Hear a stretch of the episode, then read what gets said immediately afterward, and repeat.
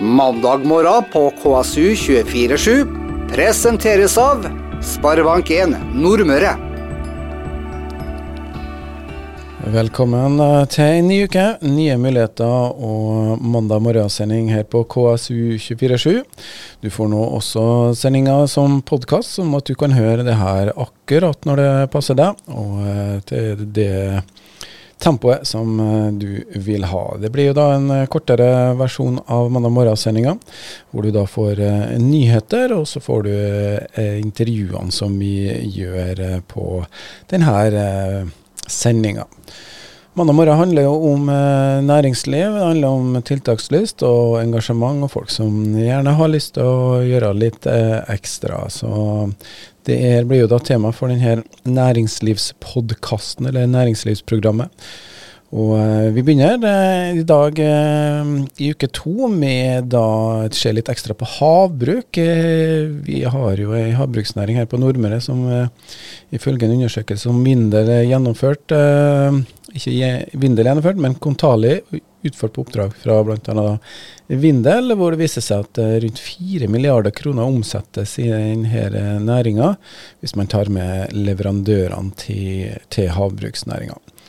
Det her skal vi få høre litt om uh, til hvert når vi får besøk fra Vindel. Siri Aaland er da forretningsutvikler og leder et prosjekt som skal gjøre nordmørske teknologibedrifter verdensledende på å levere produkter til sjømatnæringa. Hun har også sett litt eh, nærmere på resultatet fra den undersøkelsen som eh, eller analysen som Kontali har levert. Men aller først så får vi besøk av Tore Legernes, som også jobber i Vindel. Han er prosjektleder, eh, har lang erfaring fra kokk- og restaurantbransjen og driver en egen gründervirksomhet innen sjøbransjen eh, som kalles for Rå sjømat. Det her får du ganske så snart, eh, men aller først nå så skal vi ta en liten runde med litt eh, nyheter. KSU 247. Vi begynner med en nyhet for å da se litt på fjoråret. Det er jo eh, da naturlig å telle opp litt eh, økonomien. Og Alltid-sentrene er jo en liten målefaktor på hvordan det er med aktiviteten her på um, Nordmøre, i hvert fall når det gjelder eh, shoppingbiten. og Tinskra var da en sak om eh, Alltid Storkaia, Alltid Futura, og omsetninga er jo eh, bra. Nesten 700 millioner kroner i omsetning på Futura-senteret, som er på Løkkemyra her i Kristiansund. Det er opp eh, fra 2020, da, og ganske mye opp i forhold til 2019. Men det handler jo om at eh, man var stengt en periode da, eh, pga. ombygging. Alltid Storkaia endte året med en omsetning på rundt eh, rett under en halv milliard kroner.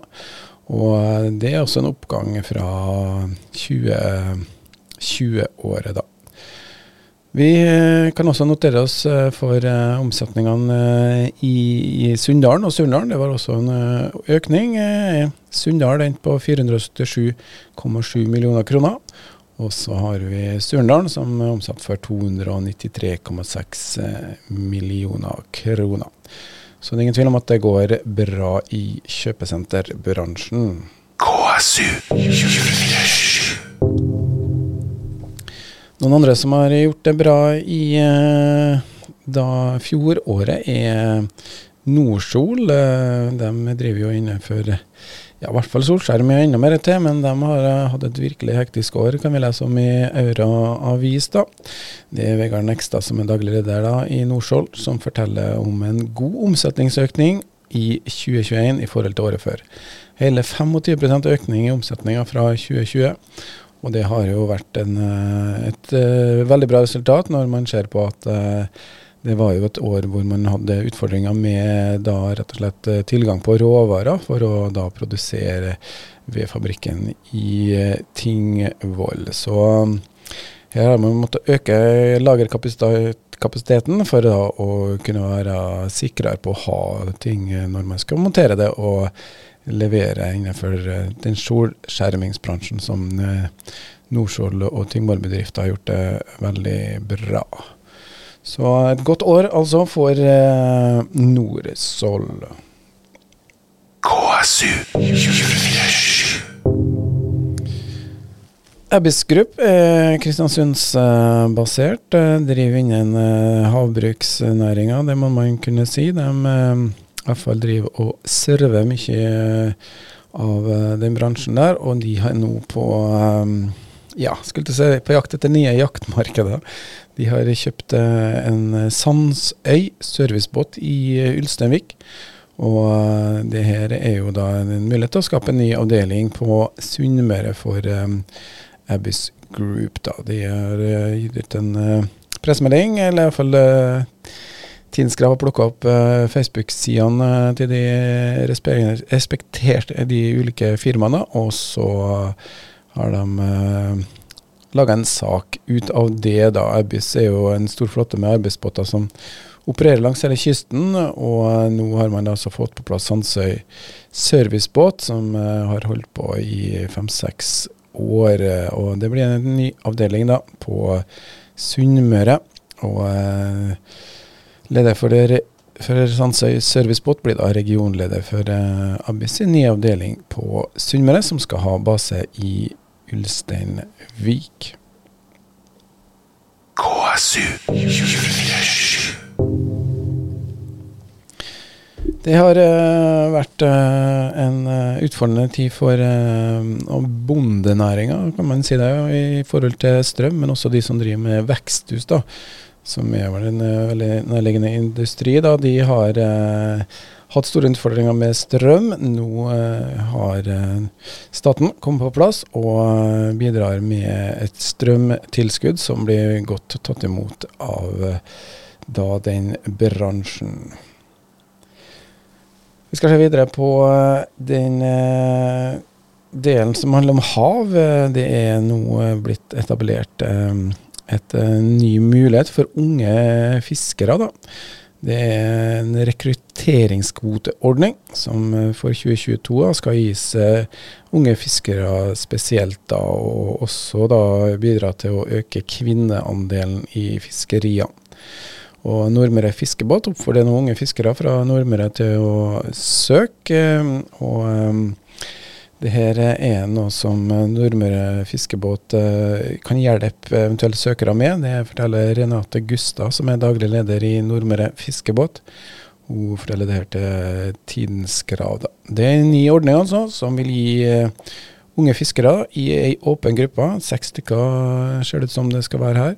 En kvotebonus som gir et kvotegrunnlag på 80% av kvoten i en periode på fem år.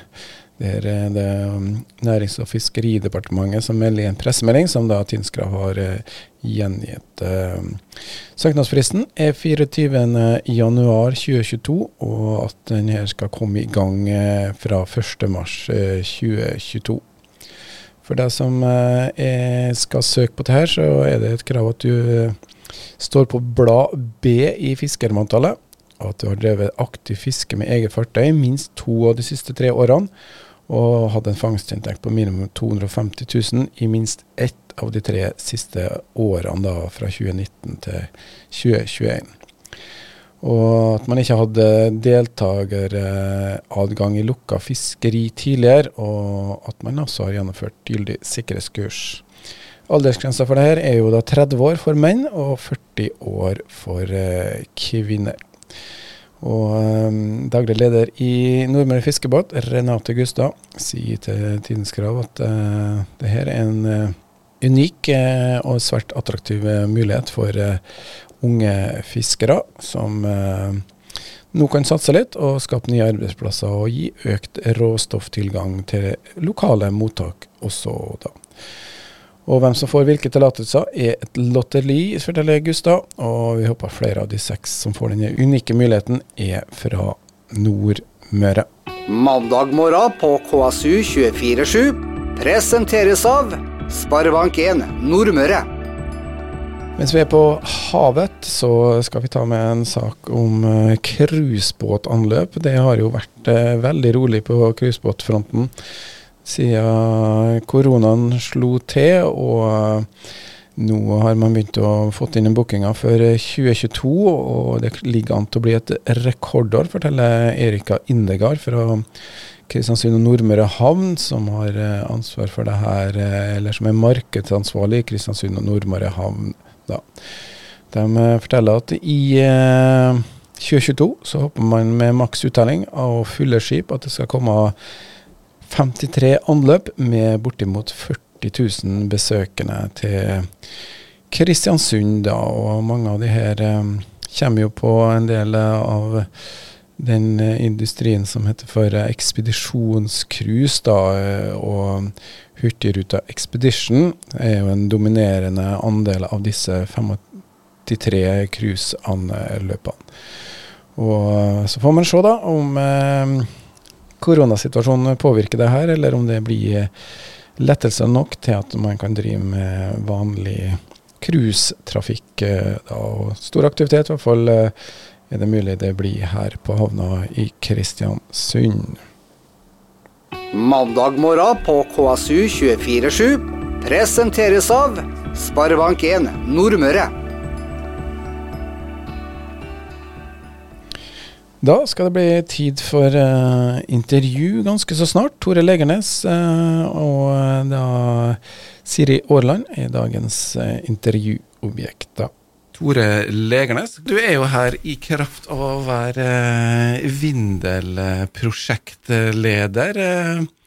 Du har en annen historie som handler litt om hvorfor du kom hit, men eh, det skal vi ta etter hvert. Det skal handle litt om rå sjømat eh, senere. Men eh, Vindel, der er du prosjektleder nå. Hva, hva, skjer i Vindel? Det skjer veldig mye spennende i Vindel. Det er veldig mange spennende bedrifter, mange gode gründere som, som kommer nå. Og vi har veldig mye positivt å se frem til. Vi har lagt, oss, lagt bak oss et par år med en hel verden i brann her. Og nå er det mange kule ting som kommer, altså. 2022 blir, blir spennende. Det har jo vært mye hjemmekontor, eller mye kontorjobbing, eh, og nå vil folk ut igjen, eh, og ting skjer. Eh, Vindel har jo flytta ned i et litt sånt kraftsentrum i Kristiansund sentrum. Hvordan er det å jobbe ned på det som kalles for Campus F13, ikke det? Jo, stemmer det. Det er veldig fint å jobbe der. Det er mm, en samling av veldig mange dyktige mennesker som, som alle sammen vil det samme skape vekst på, på Nordmøre og i, i, byen vår.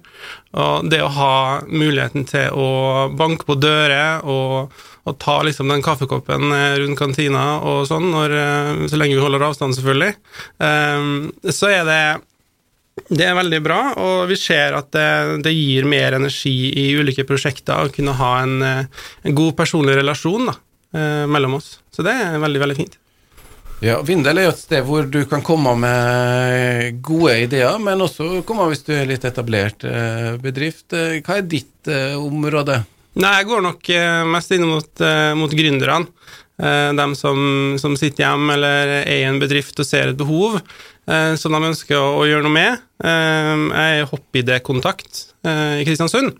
Eh, som er en eh, ordning fra fylkeskommunen og kommunen, eh, der det er en sånn lavterskel inngangsport, for å kalle det det, til, til gründere. Det trenger ikke være innovasjonsbasert, det kan være at man ønsker å starte sin egen bedrift i en bransje som alle sammen kjenner til, men, men også hvis man har en helt unik og god idé, så kan man da komme til oss og få hjelp til å søke på midler rådgivning, og vi kan bli en del av de ressursene som man ser at gründere trenger da, for, å, for, å, komme seg opp eh, og frem med prosjektet sitt. Det er litt sånn eh, inkubatormiljø i byen, kan man si det sånn? Det kan man si. Absolutt. Og Hva er det man planlegger? Nå kan du selvfølgelig ikke fortelle alle forretningshemmelighetene til alle som jobber med nye ting her, men er det noen trender de ser? Jeg ser jo f.eks. noe som ligger mitt eh, hjerte veldig nærme, at det skjer jo mye spennende innenfor uh, mat, matkultur, uh, utnyttelse av rester og stoff, både fra, fra landbruk, men også havbruk. Og det her med tang, ikke sant, og, og sånne ting. Og så er det en del kulturelle prosjekter som kommer. Eh, vi skal jo starte sammen med Råfisklaget en klippfiskfest, en stor kulturfestival som skal gå av stabelen 8.-12. juni. Det blir jo veldig, veldig bra. Eh, bygge identitet rundt eh, det råstoffet som faktisk gjør at byen er som den er. Og, og sånn. Et par hundre år etter at vi satte i gang med det. Så Ja. får vi endelig en liten festival rundt det. Ja, det blir det. Det blir en veldig sånn breispektra kulturfestival, der klippfisken skal være en rød tråd gjennom de forskjellige arrangementene. Vi skal samarbeide med de eh, store kulturelle tilbyderne i byen. Eh, mange har sagt at de skal bli med. Eh, så blir det litt sånn bylarmaktig arrangementer rundt omkring i byen denne uka. Eh, der klippfisken skal fremsnakkes, og stoltheten skal frem, og, og vi sånn skal prøve å få det til å bli kjempebra. Vi gleder oss veldig. Eh, men samtidig så skal det jo være for så mange som mulig òg. Vi må prøve å rekruttere litt eh, unge, litt barn og ungdommer, for å synes at klippfisk skal være kult, da. Jeg spiste bacalao i går, så um, det var lenge siden sist. Det var deilig i stormværet. Du sier biler, og så sier du klippfisk. Da tenker jeg jo på klippfiskgitaren til en Frode. Kommer han? Jeg har ikke fått tatt en prat med Frode ennå. Nei, men han har i hvert fall en eh, klippfiskgitar. eh, Mener og tror, det er mulig jeg tar eh, feil her, men klippfisk, og du som ligger ditt hjerte nærmest, sier du, du er jo kokk. Stemmer bra. Og der har du fått jobba litt eh, rundt om i Norge. Du, kanskje det var liksom, du er født i Kristiansund? Født i Kristiansund. Min eh, mor er herifra. Eh, og min far fra Romsdalen, Vikebukt, han lurte med seg hun dit da jeg var fire år.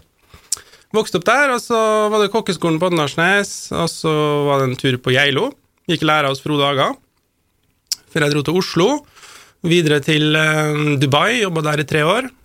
Var en liten runde i Canada, og så eh, tilbake igjen til, eh, til Trondheim, jobba på Credo. Før jeg da ble forelska og ble med min kone nå, da, eh, til Oslo og jobba på Slottet de siste ti årene. Credo hadde ikke de en Michelin-stjerne? Jo, de har det. Eh, De hadde ikke det når jeg jobba der, men det tar seg likevel veldig bra ut på CV-en å ha vært der. da. Det høres bra ut. Slottet må jo ha vært interessant. Hva er kongen ville ha til, til lunsj eller middag, eller hva laga du? Jeg har ikke lov til å si så mye om akkurat hva det greiene der er, altså. men eh, det er et veldig fint sted å jobbe. Altså, Man kan se for seg at eh, Slottet er jo Slottet, for det første, så det er jo et kult sted å være, men det, er, det drar til seg veldig mange dyktige mennesker. Så det er et hus som har utrolig mye kunnskap. Eh, ikke bare om det kongelige og, og monarkiet og sånn, men om kunst og møbelsnekkerier og gartnerne, og det er veldig mye dyktige og hyggelige mennesker som jobber der. Så det eh, var en vanvittig bra opplevelse. Jeg hadde ikke sett for meg at det var noe jeg skulle ha muligheten til å gjøre i livet. Det er jo ikke noe man eh, på en måte ser for seg, kanskje. Men jeg har hatt noen opplevelser der, vært litt ute og reist sammen med dem. og vært med På på, ting? Ikke på kongeskipet, dessverre. Eh, men jeg har vært på de andre eiendommene de, eh, de har i Norge, og vært med og fiska fisk oppe i Sikkilsdalen og gjort mye spennende. Og det, matmessig så er Slottet et sted som tar veld, veldig godt vare på tradisjonene òg. Så vi har jo laga spekemat og ost og brygger øl og sylte og salte og tar vare på ting. Og det er jo ikke så mange restauranter, dessverre, lenger. Eh, Det begynner å komme nå, heldigvis, men, eh, men eh, i utgangspunktet så er det ikke så mange som, som gjør ting så veldig fra bunnen av. Kommer inn med en hel elg, ikke sant, begynner å skjære ned det og lage pølser og sånne ting. Det er veldig faglig spennende. Helstekt elg på pinne? Ja, kanskje ikke. Tar litt tid, kanskje. Ja, Det er spennende selv om det er statshemmelighet hva kongen har på brødskiva si, eller um, om han spiste lapskaus eller Vi får gruble i evigheter om akkurat det. Vi må ha litt kommersielt budskap nå, og så skal vi komme tilbake igjen. jeg Og Tore, nå skal vi høre litt om rå sjømat. I studio nå sammen med meg så har jeg Tore Legernes. Han har vært her en liten stund, og dere som kommer seint til, kan ha fått hørt litt om hans erfaringer som kokk, eh, blant annet for eh, slott og andre sjeiker i eh, sydligere strøk. Nå eh, kom han, tok han seg en tur tilbake til Kristiansund, og, hva brakte deg egentlig tilbake til Kristiansund, eh, Tore? Jeg har sammen med kona mi starta et selskap som heter Rå sjømat. Det er et selskap som skal produsere og eksportere norsk botarga av skrei. Det er kort fortalt tørka skreirogn. Og det er litt sånn artig, fordi at når jeg forteller folk om det, så er det veldig veldig få som har hørt om det. Også i min egen bransje. Færreste kokkene jeg har vært borti, kjenner til det. Men det er, en, det er et produkt som i store deler av verden er eh, kommet av at det er den helt vanlige måten å konservere rogn på. I Norge så har vi tørrfisk vi har klippfisk, og, og sånn, men gjennom at vi har kalde vintre, så er vi også vant til frysing og, og sånn. Mens hvis du går til middelhavslandene og Asia, så har de jo ikke det. Så da må de eh, også tørke rogna. Det er veldig veldig sunt og viktig å ta vare på. Men det her har blitt et sånn high end-produkt. Eh, fordi at de bruker tunfisk, de bruker grey mullet, som er en sånn saltvannsabbor-type, som gjør at det er veldig, veldig dyrt og veldig lite bærekraftig. Så kom jeg inn på Da jeg jobbet på Credo, så, så, så, prøvde jeg å lage det av skrei. Det ble veldig godt, det, altså. Og så har jeg laga det et par ganger i andre jobber også etter det. Så var jeg i Lofoten en tur, og så på tørrfiskhistorien. Fikk en fin omvisning. Eh, så at det hang masse tørrfisk på gjeld, og så tenkte jeg at eh, vi må kunne henge opp noe rogn der òg. For det, det, er et ganske pent stykke da på Skreien. Er det klar for å gyte seg rogn når han kommer hit? Det er vel dem du tar? Ja, absolutt. Det er i sesongen eh, akkurat i, i, eh, i februar-mars der. Eh, så vi har et veldig lite vindu hvor vi kan hente inn råstoff. da. Men det fiskes jo en del skrei i perioden? Det gjør det. Så utgangspunktet det er ikke noe problem å få tak i nei. Nei, så da er det Hva gjør du da med den rogna når den kommer deg i hende? Eller Nei. hva er tanken, i hvert fall? da? Nei, det vi gjør, er at vi, vi, vi får den ned på Hurtigruta. Faderen lånte oss en eh, gammel transporter og en skjellhenger og fylte den med et tonn med, med, med skreirogn og kjørte den ut på Averøya, hvor vi samarbeider med en klippfiskprodusent. Eh, og Så legger vi den på salt og sukker og litt eh, krydder et par, et par, dager. Og så legger vi den på klippfisktørka i 14 dager. Og så modnes den da i tre-fire måneder, før den da er klar for salg. Eh, nå har vi sendt vareprøver til Sør-Korea, vi har sendt til Frankrike og Italia. Får veldig gode tilbakemeldinger på produktet. Du nevner jo noen land som kanskje er veldig glad i sjømann, men litt gourmettradisjoner, er det bevisst? Det er mm, absolutt gode kulturer å selge råstoffet sitt i det der, altså. Ja, og hva kan man eh, servere det som, da? Det, det blir jo en, blir det en liten klump, eller skal du si? Hvordan, ja. hvordan framstår det? Nei, det blir jo det, Vi tar jo hele rognsekken eh, som et stykke og, og, deler den opp, og så river du den som parmesanost. Hvis du tenker parmesan, ikke sant? en liten topping på forskjellige, forskjellige retter. Um, pasta, risotto, og, men også i supper og sånn, da. Um, så det er veldig allsidig. Tilfører tilfører en sånn umami-smak. Altså Hvis man ser for seg soyasaus som en sånn hint av Asia, så vil eh, Botarga tilføre et hint av hav, da, og forsterke, forsterke den følelsen av eh, å stå ute i eh, skjærene når kulingen kommer. Og passer jo sånn sett veldig godt med klippfisk. Og tørrfisk, selvfølgelig, men har laga noen retter med botarga og klippfisk, og det, det løfter, de spiller hverandre gode. da. Umami er jo da fagspråk her nå. Hvilke smaksansene er man appellerer til her? Det er søtt og salt. Søtt og salt og bittert og surt. Eh, og umami er jo den siste, som er vanskelig å definere. Men eh, den som på en måte spiller ja, altså Min opplevelse av det er at det spiller like mye på følelser, omtrent. Altså, du, du snakker om, om, umami som sånn sam, et samlende begrep for det perfekte, bruker jeg å si, da. Eh, som er jo det noe som andre sikkert er uenig i, men, eh, men det tilfører en høyde. Eh, komplementerende, liksom. Som en uh, spesielle smaken for når du har uh, vindaloo uh, indisk mat, og den er så sykt sterk at den er, først har den lamma alle smaksløkene dine, og så når det kommer den sterke greia, så får du en helt annen plass i munnen, eller Jeg vet ikke om det er uvanlig, men i hvert fall en, gir det en sånn annen perspektiv smaksmessig. Er det litt sånn ja, løfteting? Ja, det blir litt sånn. Det blir litt sånn. Så avansert blir det da å strø på eh, limaren eh, til å ostre? Eller Kan prøve det. Det finnes, eh, det finnes mange som syns at botarga er godt med kjøtt.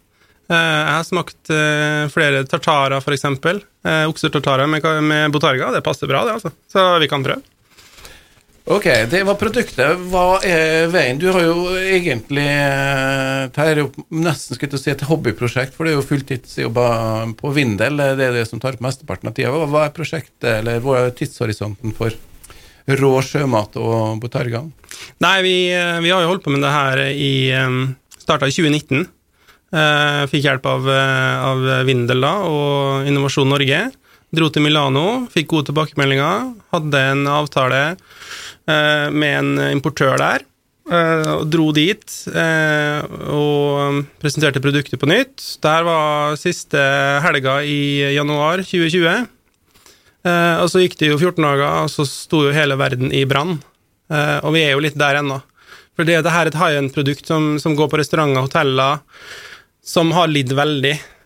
ikke bare i Norge, som vi vet, men, men også over hele verden. Så vi må nesten bare vente og se på at det blir litt omsetning igjen eh, før det her kommer. Men Motarga er jo bare den ene delen av prosjektet. Den andre delen av prosjektet er jo det at rå sjømat skal være en eksportmerkevare for bærekraftig sjømat fra Nordmøre. Så vi ønsker jo samarbeide med andre eh, småskalaprodusenter for å lage en merkevare som alle sammen kan selge sine ting gjennom. Da når vi flere, flere kunder. Vi sparer mye penger, sparer mye ressurser. Eh, merkevarebygging og sånne ting koster jo mye penger og tar mye tid. Eh, og jeg med min bakgrunn kan jo ta den jobben. Jeg har gjort det ganske bra også med Råsjømat foreløpig, fått mye gode tilbakemeldinger på det. Eh, så det er jo en sånn et eh, eksportkollektiv, som min kone pleier å si, som er en veldig, veldig fin tanke. Vi kjenner jo igjen det fra Kolonihagen på Rema 1000, Prima Jern fra Jern og Røroskjøtt. Vi ønsker å gjøre det samme for bærekraftig fisk og sjømat fra Nordmøre. Og da er det kanskje greit å jobbe litt i Vindel og se hva som rører seg rundt omkring også, da. Det er også veldig bra å jobbe i Vindel, da. Eh, som jeg nevnte i sted, det er jo veldig mange dyktige mennesker som jobber der. Så jeg får jo også lært litt eh, som jeg kan bruke inn mot firmaet der, altså. Så da gjelder det vel egentlig for dem som har en, eh, en idé om et eller annet rått eh, vi kan bruke fra sjøen, eh, enten det er ja, det ene eller andre, så kan man eh, slå seg litt sammen og gjøre hverandre gode, det er egentlig det det er snakk om. Det er det som er tanken. Mandag morgen på KSU 247 presenteres av Sparebank1 Nordmøre. Og nå skal vi ha Siri Aaland med oss. Eh, god dag til deg. God dag. Der er vi, vet du. Lyden eh, kommer inn via en boks eh, i studio, som det heter. Siri Aaland jobber jo også i Vindel. Forretningsutvikler. Eh, Forklar eh, hva som ligger i den eh, stillinga eller jobben. Forretningsutvikler, da hjelper man gründere og etablert næringsliv med å utvikle ideer og utvikle bedrifter til videre vekst. Det vil jo si egentlig alt mulig fra den prosessen i kommersialiseringa. Og så jobber vi da med å styrke samarbeid mellom bedrifter, da typisk gjennom nettverk og klynger. Så en del av det her eh, er jo da, handler kanskje litt også om havbruk, for der har du også hatt en liten spesiell rolle. Og det klynga du ønsker å skape, er det innenfor havbruksnæringa? Ja, det stemmer. Jeg er da prosjektleder for det som heter Node Kristiansund, NC Aquatec. Og da er vi en del av en eh, nasjonal klynge. NC Aquatec er jo gjennom Innovasjon Norge og Forskningsrådet og Siva sitt klyngeprogram. Og så er vi da en eh, node, altså en litt mindre geografisk eh, lokalisert nettverk for Nordmøre. da. Bakgrunnen er jo fordi at vi har ganske mange aktører innenfor havbruk som da eh, er interessert i å koble seg sammen med de andre nasjonale, eh, den nasjonale klynga Aquatec. da. Og hva er så fantastisk med å være en klynge? ja, si det. Eh, jo, det er jo for så vidt det at eh, man skal eh, øke samarbeidet mellom de aktørene her. Og det er jo på kryss og tvers, eh, altså i hele verdikjeden til havbruket. Eh, og vi ser jo da spesielt at vi har ganske mange aktører innenfor service her på Nordmøre. Og Formålet med å være en del av en klynge er jo at man har tilgang til kunnskapen, altså kompetansen, til flere aktører. Man kan få til tettere samarbeid og kanskje styrke den posisjoneringa som da klynga egentlig også må jobbe med i forhold til både det nasjonale og internasjonale. Så det er jo eh, det at vi menneskene jobber sammen som er kanskje kruttet i det her. Eh, vi er jo eh, Vi har jo datamaskiner, vi har produksjonsmidler, men når vi skal liksom få ut noe, så er det kanskje menneskelig samarbeid som er vår forse. Vi snakker om havbruk her. Det er en, dere har satt i gang en del undersøkelser og fått gjøre det bl.a. av Kontali Analyse. Hva slags utgangspunkt hadde de til det? og Er det andre året de har gjort det her nå, eller forklar litt? Ja, eh, Bakgrunnen er jo fordi vi har jo sett at det har vært en, en enorm vekst innenfor eh, marin eh, næring. Men vi har ikke hatt noe tall. Eh, og det har jo ikke vært gjort noe særlig undersøkelser av, eh, av denne næringa de siste årene. De siste vi fant, var fra 2011. Eh, og Derfor ville vi da gjøre en sånn oppdatering for å synliggjøre eh, hva man faktisk gjør, og verdiskapinga ikke minst denne næringa gjør for Nordmøre. Og Da har vi jo sett på typiske tall som da f.eks. hvor mange selskap er det, hvor mange ansatte er det, og hvor mye eh, tjener de da, hvor mye eh, penger er det faktisk vi snakker om her. Og da vi fikk den første analysen, som var for 2019, så ble vi jo egentlig ganske overraska. Det var jo store tall vi snakka om. Vi var jo oppe i 100 selskap med godt over 3000 ansatte. Og den gangen var det 2,6 milliarder som da ble omsatt. Og da er det inkludert eh, oppdrettsaktørene og serviceaktørene. Ja, eh, og nå har vi krøpet opp i 4 milliarder. Det, det må jo være Det er litt grovt regnet her, eller er det 4 milliarder i havbruks ja, omsetning? Nei, det er noe ganske eh, bra regna. Det er noe tall som Kontali har henta inn fra alle selskapene som har registrert eh, adresse her på Nordmøre.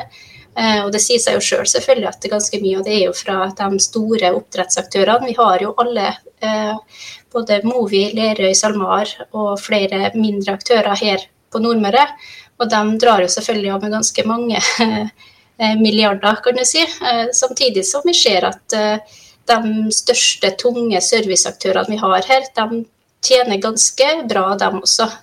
Så det er jo, det er jo ganske bra tall, sånn som vi ser det. Ja, Det har det ikke drevet målt her i årevis, så vi kunne ikke liksom sagt at det var før og etter oljeboom eller oljenedturen som vi hadde her fra 2014. da, Men det er jo ingen tvil om at havbruk har og tatt eh, større og større plass eh, av, av det som bedriftene eh, lever av. Det er mange ansatte også her. Skjer det noe utvikling der?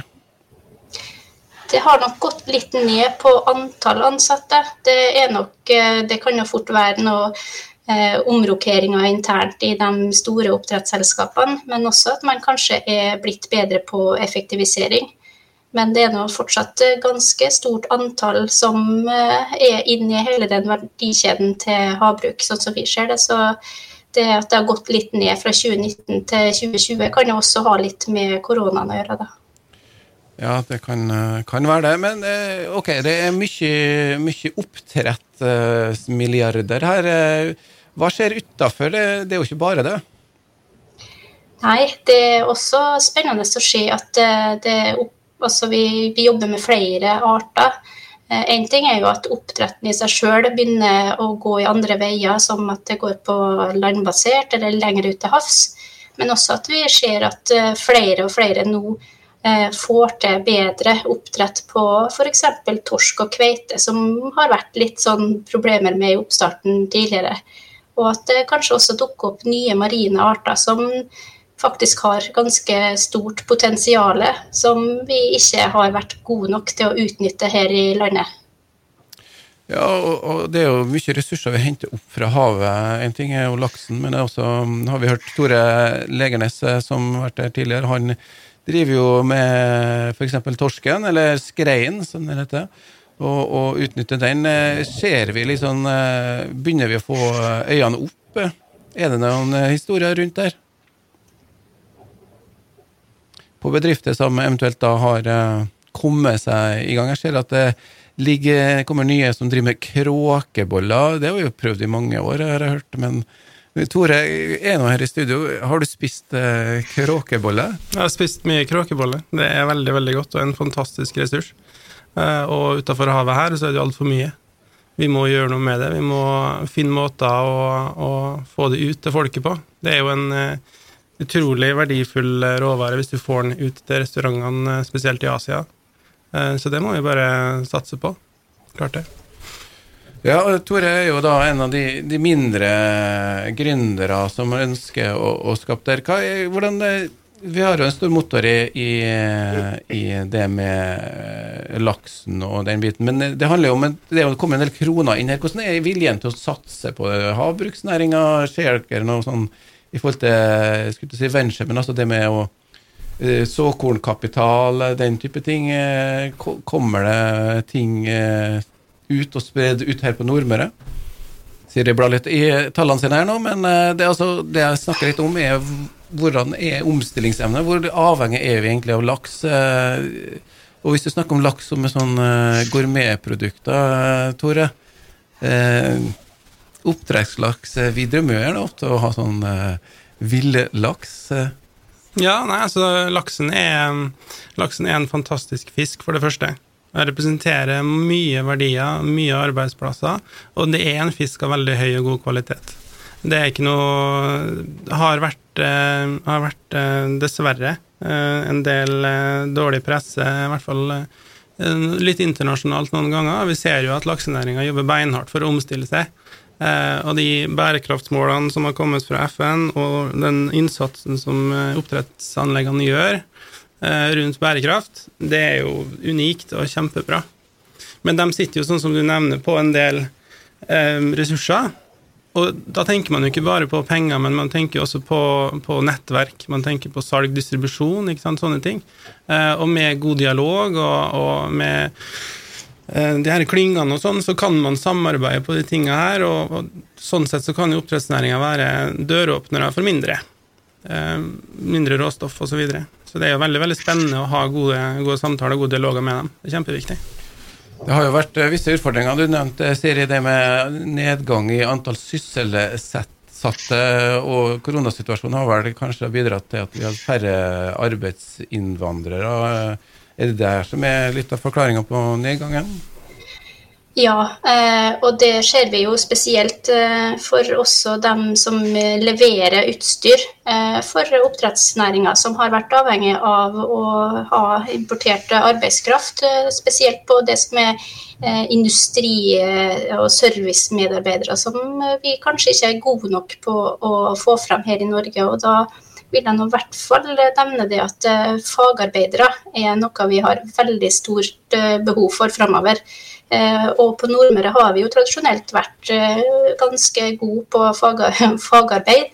Eh, det er jo det som har kanskje vært kjernen i den innovasjonskrafta og det å snu seg rundt og jobbe effektivt og løse de problemene som har vært for, for både offshore og da marin næring. Så det, det, har nok flere av de store og små aktørene her på Nordmøre opplevd at de har mista eh, en del eh, arbeidskraft gjennom tida her. Og Det betyr jo da, kjære ungdom, at eh, det å gå på ei yrkesfaglig linje med havbruk på, på timeplaner er noe som garantert gir deg jobb, vil jeg tro. Hvordan er det ellers å få tak i folk? Kompetansebehov? Det er jo flere ting man trenger folk til. Mm. Eh, nei, vi ser jo det at eh, de fleste Nå har jeg eh, intervjua ca. 30 bedrifter innenfor havbruk. Og da er det jo alt fra oppdrettsaktørene og helt ned på gründere og serviceaktørene her. Og alle nevner jo det at det, det samarbeidet de ønsker gjennom klynga, er jo spesielt på kompetanse.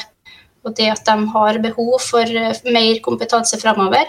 Gjerne det som kalles multidisiplin, at de kan flere ting. At de kanskje har to fagbrev, at de kan eh, kanskje litt mer på teknologisida. Og så kanskje har de en elektro eller eh, ingeniør. Altså det kan være alt mulig den type eh, ja, kompetanse. Det er stort behov for framover. Mandag morgen på KSU 247 presenteres av Sparebank1 Nordmøre.